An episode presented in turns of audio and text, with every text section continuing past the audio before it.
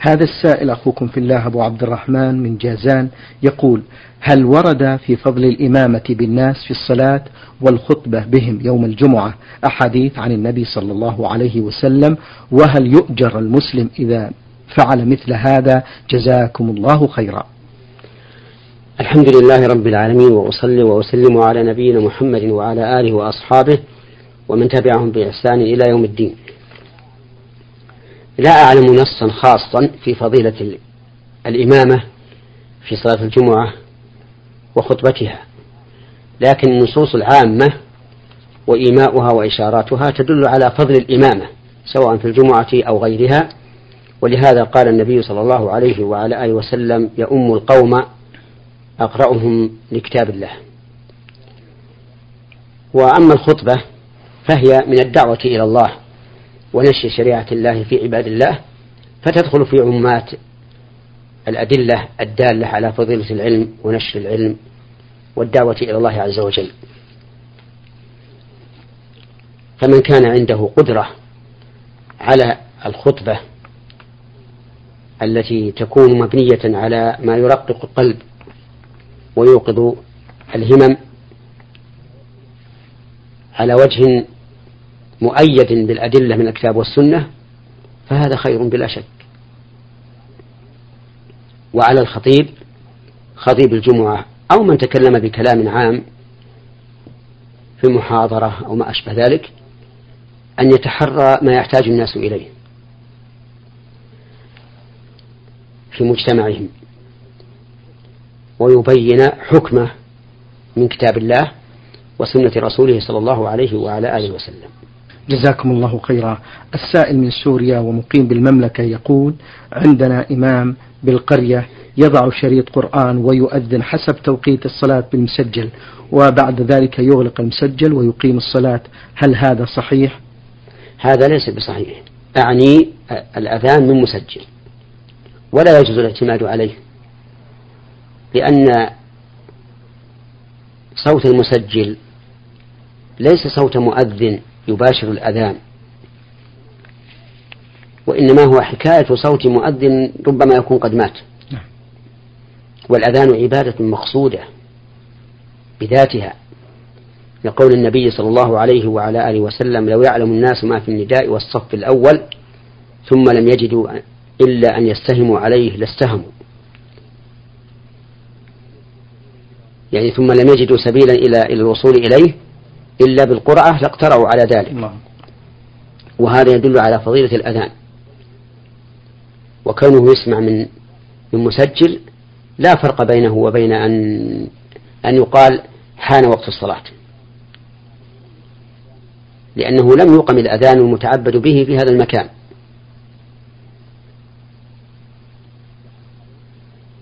وعلى هذا فنقول إن هذا العمل لا يصح. ولا تبرأ به الذمة في إقامة الأذان المشروع. وسبحان الله أن يلعب الشيطان بعقول بني آدم وإلا فما الفرق بين أن يؤتى بالمسجل بالمسجل ثم يفتح عليه الكهرب ثم يشغل أو رجل من المسلمين يقف ويؤذن. أي فرق؟ والأذان يصح حتى ممن لم يبلغ. لكن العجز والشيطان يلعب ببني آدم. نسأل الله السلامة والعافية. اللهم هذا سائل للبرنامج يقول في هذا السؤال قريبي يبني منزلا خاصا به وقد أقرضته مبلغا كبيرا من المال وعليه ديون كثيرة من جراء هذا البناء وأعرف حالته المادية ومضى على ذلك ما يقارب من سنتين ولم أخرج زكاة عن تلك الأموال. هل هذا القرض في هل في هذا زكاة جزاكم الله خيرا. هذا القرض لا تجب فيه الزكاة. عليك لأنه على غير قادر عن الوفاء. لأنه غير قادر على لأنه عند غير قادر على الوفاء. والدين نوعان. نوع عند شخص قادر على الوفاء. متى طلبته منه؟ أعطاك. فهذا الدين تجب فيه الزكاة على من له هذا الدين. فإن شاء زكاه مع ماله وإن شاء انتظر حتى يقبضه ثم يزكيه لما مضى. والثاني دين على معسر أو على مماطل لا تتمكن من مطالبته فهذا لا زكاة فيه. إلا إذا قبضته فإنك تزكيه سنة واحدة عما مضى ولو طالت المدة. هذا هو أقرب الأقوال في مسألة الدين. جزاكم الله خيرا. السائلة التي رمزت لاسمها بسين باء حاء من أبها تقول في السؤال ما حكم قص الشعر إذا لم يكن في القص تشبه بالرجال ولم يكن هناك سبب يجعل المرأة آه، يجعل المرأة تضطر إلى قص شعرها مثل تساقط الشعر وغير ذلك. أفيدونا. جزاكم الله خيرا. قص المرأة شعر رأسها في حج أو عمرة نسك من مناسك الحج والعمرة فتقصر من كل قرن قدر أنملة. وهذا لا إشكال فيه. قص المرأة شعرها لحاجة لا إشكال في جوازه أيضا. قص المرأة رأسها لغير حاجة. اختلف فيه أهل العلم فمنهم من قال إنه مكروه ومن أصحاب الإمام أحمد من حرمه. ولكن لا دليل على هذين القولين. والذي نراه في هذه المسألة أن الأفضل للمرأة إبقاء أن الأفضل للمرأة إبقاء رأسها على مكان نعم. وأن لها أن تقصه بشرط أن لا تقصه قصا بالغا بحيث يكون كشعر رأس الرجل وأن لا تقصه على وجه يشبه قص نساء الكفار. أما دليل الشرط الأول لا يكون مشابها لرأس الرجل فلأن النبي صلى الله عليه وعلى آله وسلم لعن المتشبهات من النساء بالرجال. وأما دليل الثاني فلأن النبي صلى الله عليه وسلم قال من تشبه بقوم فهو منهم. قال شيخ الإسلام ابن تيمية رحمه الله أقل أحوال هذا الحديث التحريم وإن كان ظاهره يقتضي كفر المتشبه بهم. وليعلم أن التشبه لا يكون بالقصد وإنما يكون بالصورة. بمعنى أن الإنسان إذا فعل فعلا يختص بالكفار وهو من ميزاتهم وخصائصهم فإنه يكون متشبها بهم سواء قصد بذلك التشبه أم لم يقصده وكثير من الناس يظن أن التشبه لا يكون تشبها إلا بالنية وهذا غلط لأن المقصود هو الظاهر. نعم. وقد حذر النبي صلى الله عليه وسلم من التشبه بالكفار كما في الحديث الذي ذكرناه آنفا. قال العلماء ومن تشبه بهم في الظاهر أوشك أن يتشبه بهم في الباطن. لا سيما إذا كان هذا التشبه بقصد تقليدهم الدال على تعظيمهم في النفس وعلى أنهم أهل لأن يكونوا أسوة فإن ذلك على خطر عظيم. نعم. جزاكم الله خيرا. تقول السائلة عندي والدة حفظها الله كلما طلبت مني أمرا لبيت طلبها بسرعة ولا أتأفف أمامها ولا أظهر لها التضجر ولكن عندما أذهب إلى بعض أخواتي في الله أشكو لهن من والدتي بأن ما تطلبه كثير جدا فهل يعتبر هذا من عقوق الوالدين؟ أفيدوني أفادكم الله. أرى أن هذا من حقوق الوالدين لأنه غيبة للوالدة. وإذا كانت هذه المرأة ترضي والدتها بما تطلب ابتغاء وجه الله نعم. فإنه لا يجوز لها أن تمن بذلك. أو أن تؤذي أمها بذلك بسبها عند صاحباتها.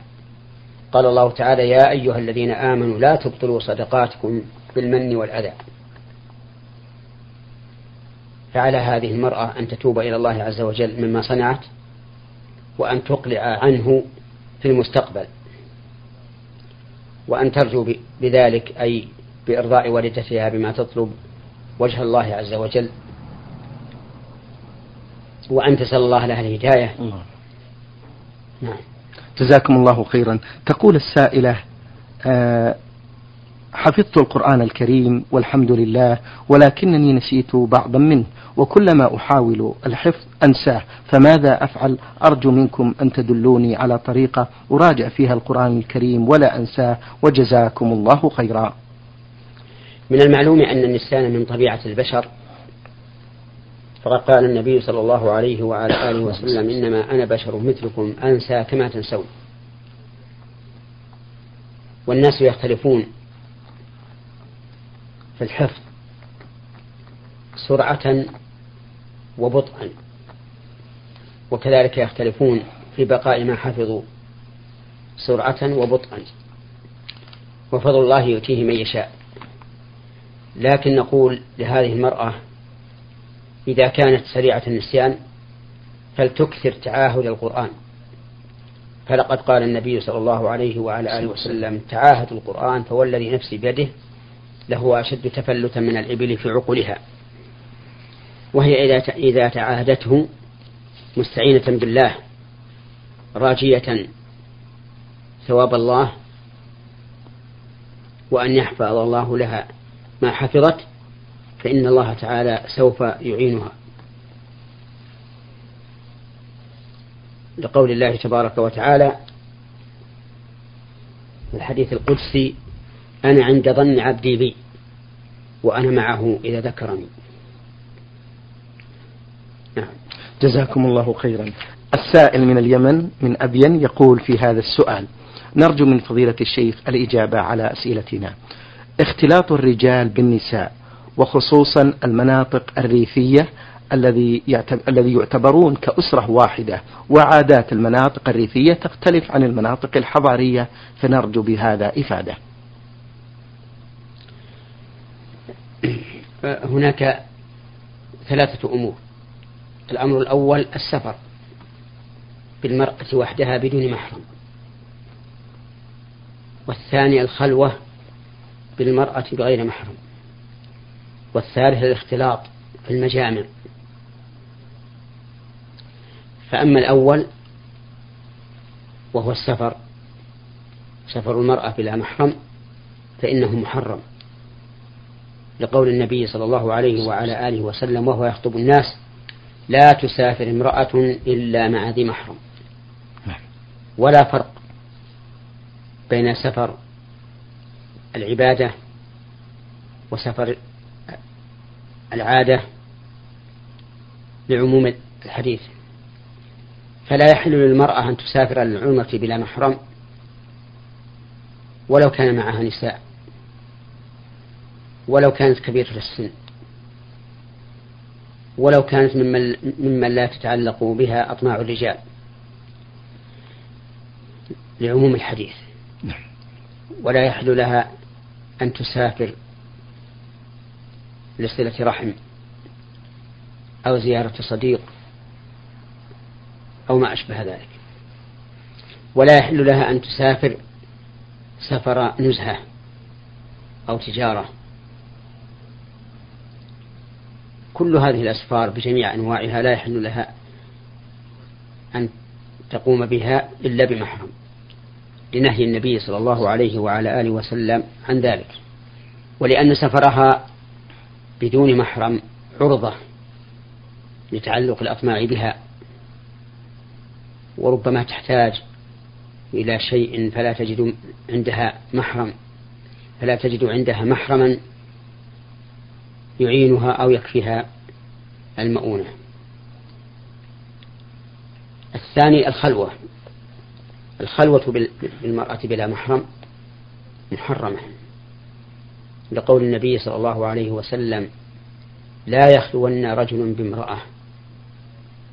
وفي حديث آخر ما خلا رجل بامرأة إلا كان ثالثهما الشيطان. وهذا يدل على التحذير البالغ من رسول الله صلى الله عليه وعلى آله وسلم لأن شخصين ثالثهما الشيطان لا تؤمن عليهما الفتنة والزلة.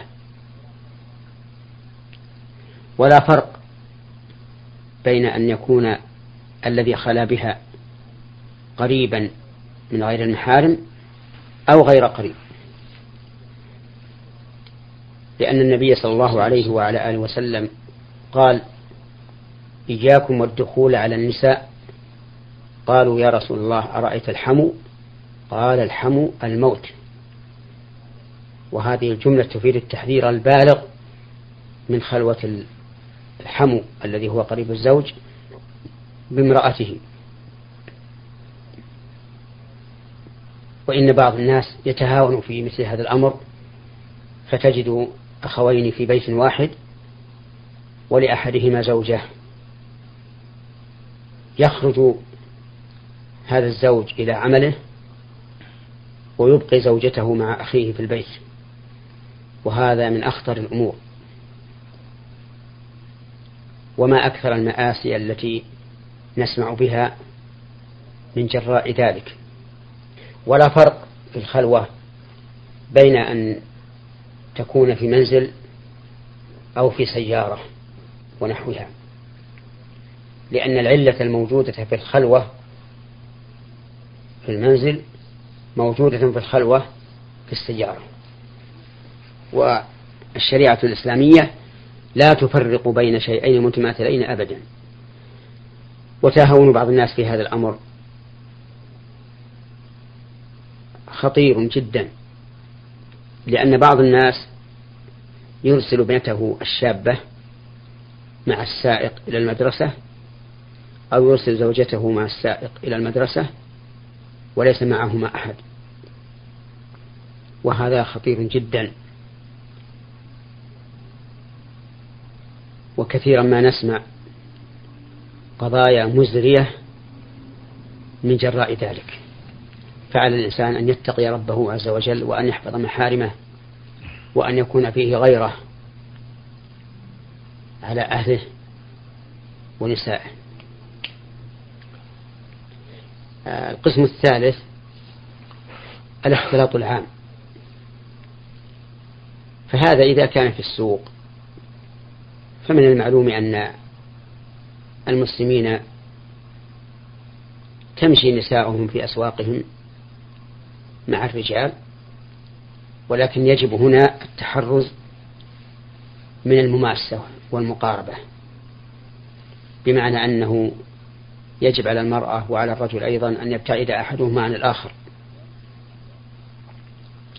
ويحسن جدا أن يكون معها محرم إذا نزلت إلى السوق لا سيما إذا كثر الفساد. هناك قسم رابع عام لكنه في الحقيقة فيه نوع من الخصوصية وهو الاختلاط في المدارس والجامعات والمعاهد وهذا أخطر من الاختلاط في الأسواق. وذلك لأن الرجل والمرأة يجلسان مدة طويلة للاستماع إلى الدرس ويخرجان جميعا إلى أسياب المدرسة أو المعهد أو الكلية فالخطر فيه أشد فنسأل الله أن يحمي شعوب المسلمين. من كل سوء ومكروه اللهم آمين. جزاكم الله خيرا فضيلة الشيخ. السائل يقول أنا عندي سيارة نقل ومنها المصدر الأساسي وأنقل البضاعة على بعد 280 كيلو متر هل يجوز قصر الصلاة فيها؟ وكم المدة من الأيام؟ جزاكم الله خيرا. نعم يجوز قصر الصلاة في مسافة 200 كيلو إذا كان يبقى في البلد الآخر الذي سافر إليه يومين أو ثلاثة أو نحوها. وله أن يقصر حتى يرجع إلى بلده ولو طالت المدة.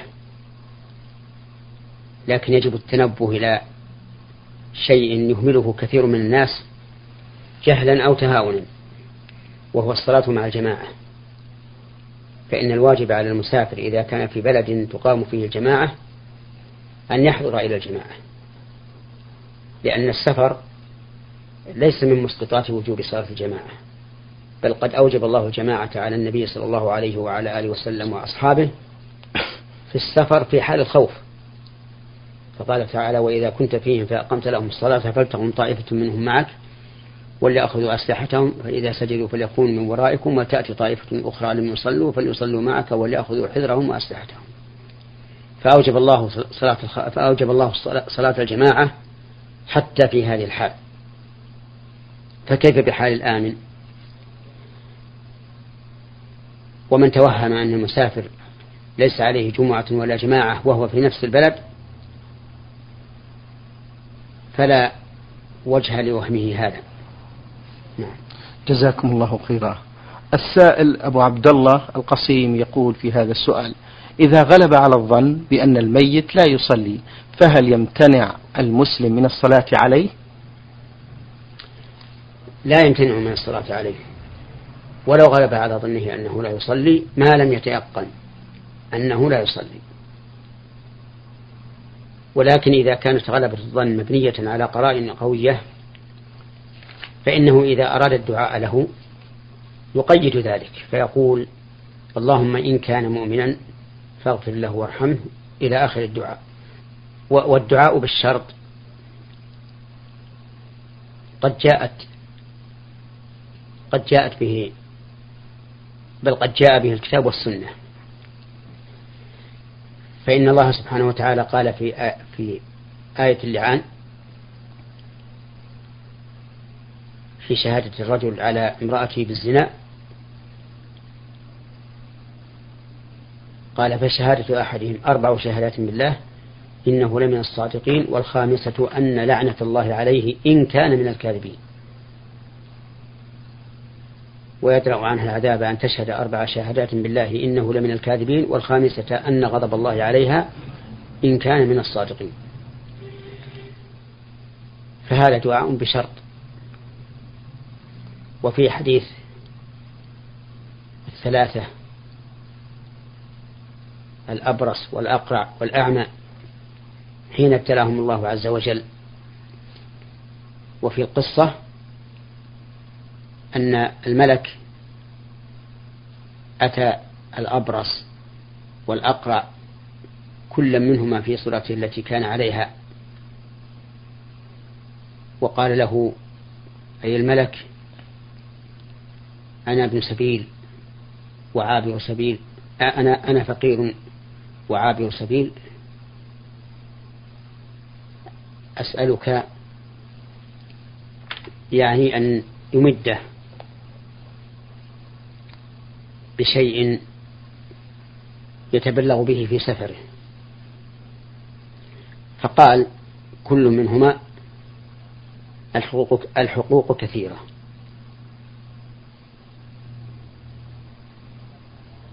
وإنما ورثت المال هذا كابرا عن كابر. فقال له الملك إن كنت كاذبا فصيرك الله إلى ما كنت. فقيد هذا الدعاء بالشرط. وفي دعاء الاستخارة يقول الرجل اللهم إن كنت تعلم أن هذا خير لي في ديني ودنياي. فإذا قدم الميت الذي يغلب على الظن أنه لا يصلي بدون يقين أنه لا يصلي فإن الإنسان يقول اللهم إن كان هذا مؤمنا فاغفر له وارحمه. وقد ذكر ابن القيم رحمه الله عن شيخه شيخ الإسلام ابن تيمية أنه رأى النبي صلى الله عليه وعلى آله وسلم فسأله عن أشياء مشكلة عليه.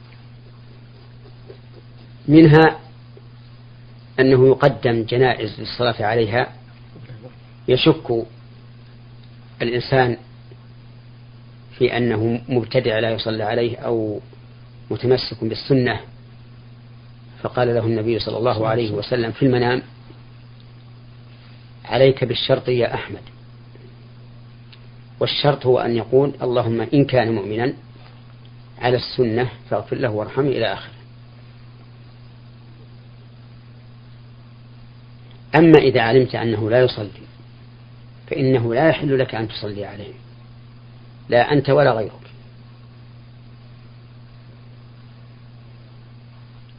لقول الله تبارك وتعالى ولا تصلي على أحد منهم مات أبا ولا تقم على قبره.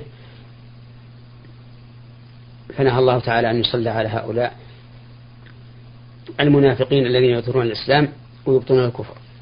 شكر الله لكم من فضيلة الشيخ وبارك الله فيكم وفي علمكم ونفع بكم المسلمين. أيها الإخوة الأحباب أيها الإخوة المستمعون الكرام أجاب على أسئلتكم فضيلة الشيخ محمد بن صالح بن عثيمين الأستاذ في كلية الشريعة وأصول الدين في القصيم وخطيب وإمام الجامع الكبير في مدينة عنيزة. شكر الله لفضيلته وشكرا لكم أنتم. وفي الختام تقبلوا تحيات زميلي مهندس الصوت سعد عبد العزيز خميس والسلام عليكم ورحمة الله وبركاته. نور على الدرب. برنامج يومي يجيب فيه أصحاب الفضيلة العلماء على أسئلة المستمعين. البرنامج من تقديم وتنفيذ عبد الكريم صالح المجرن.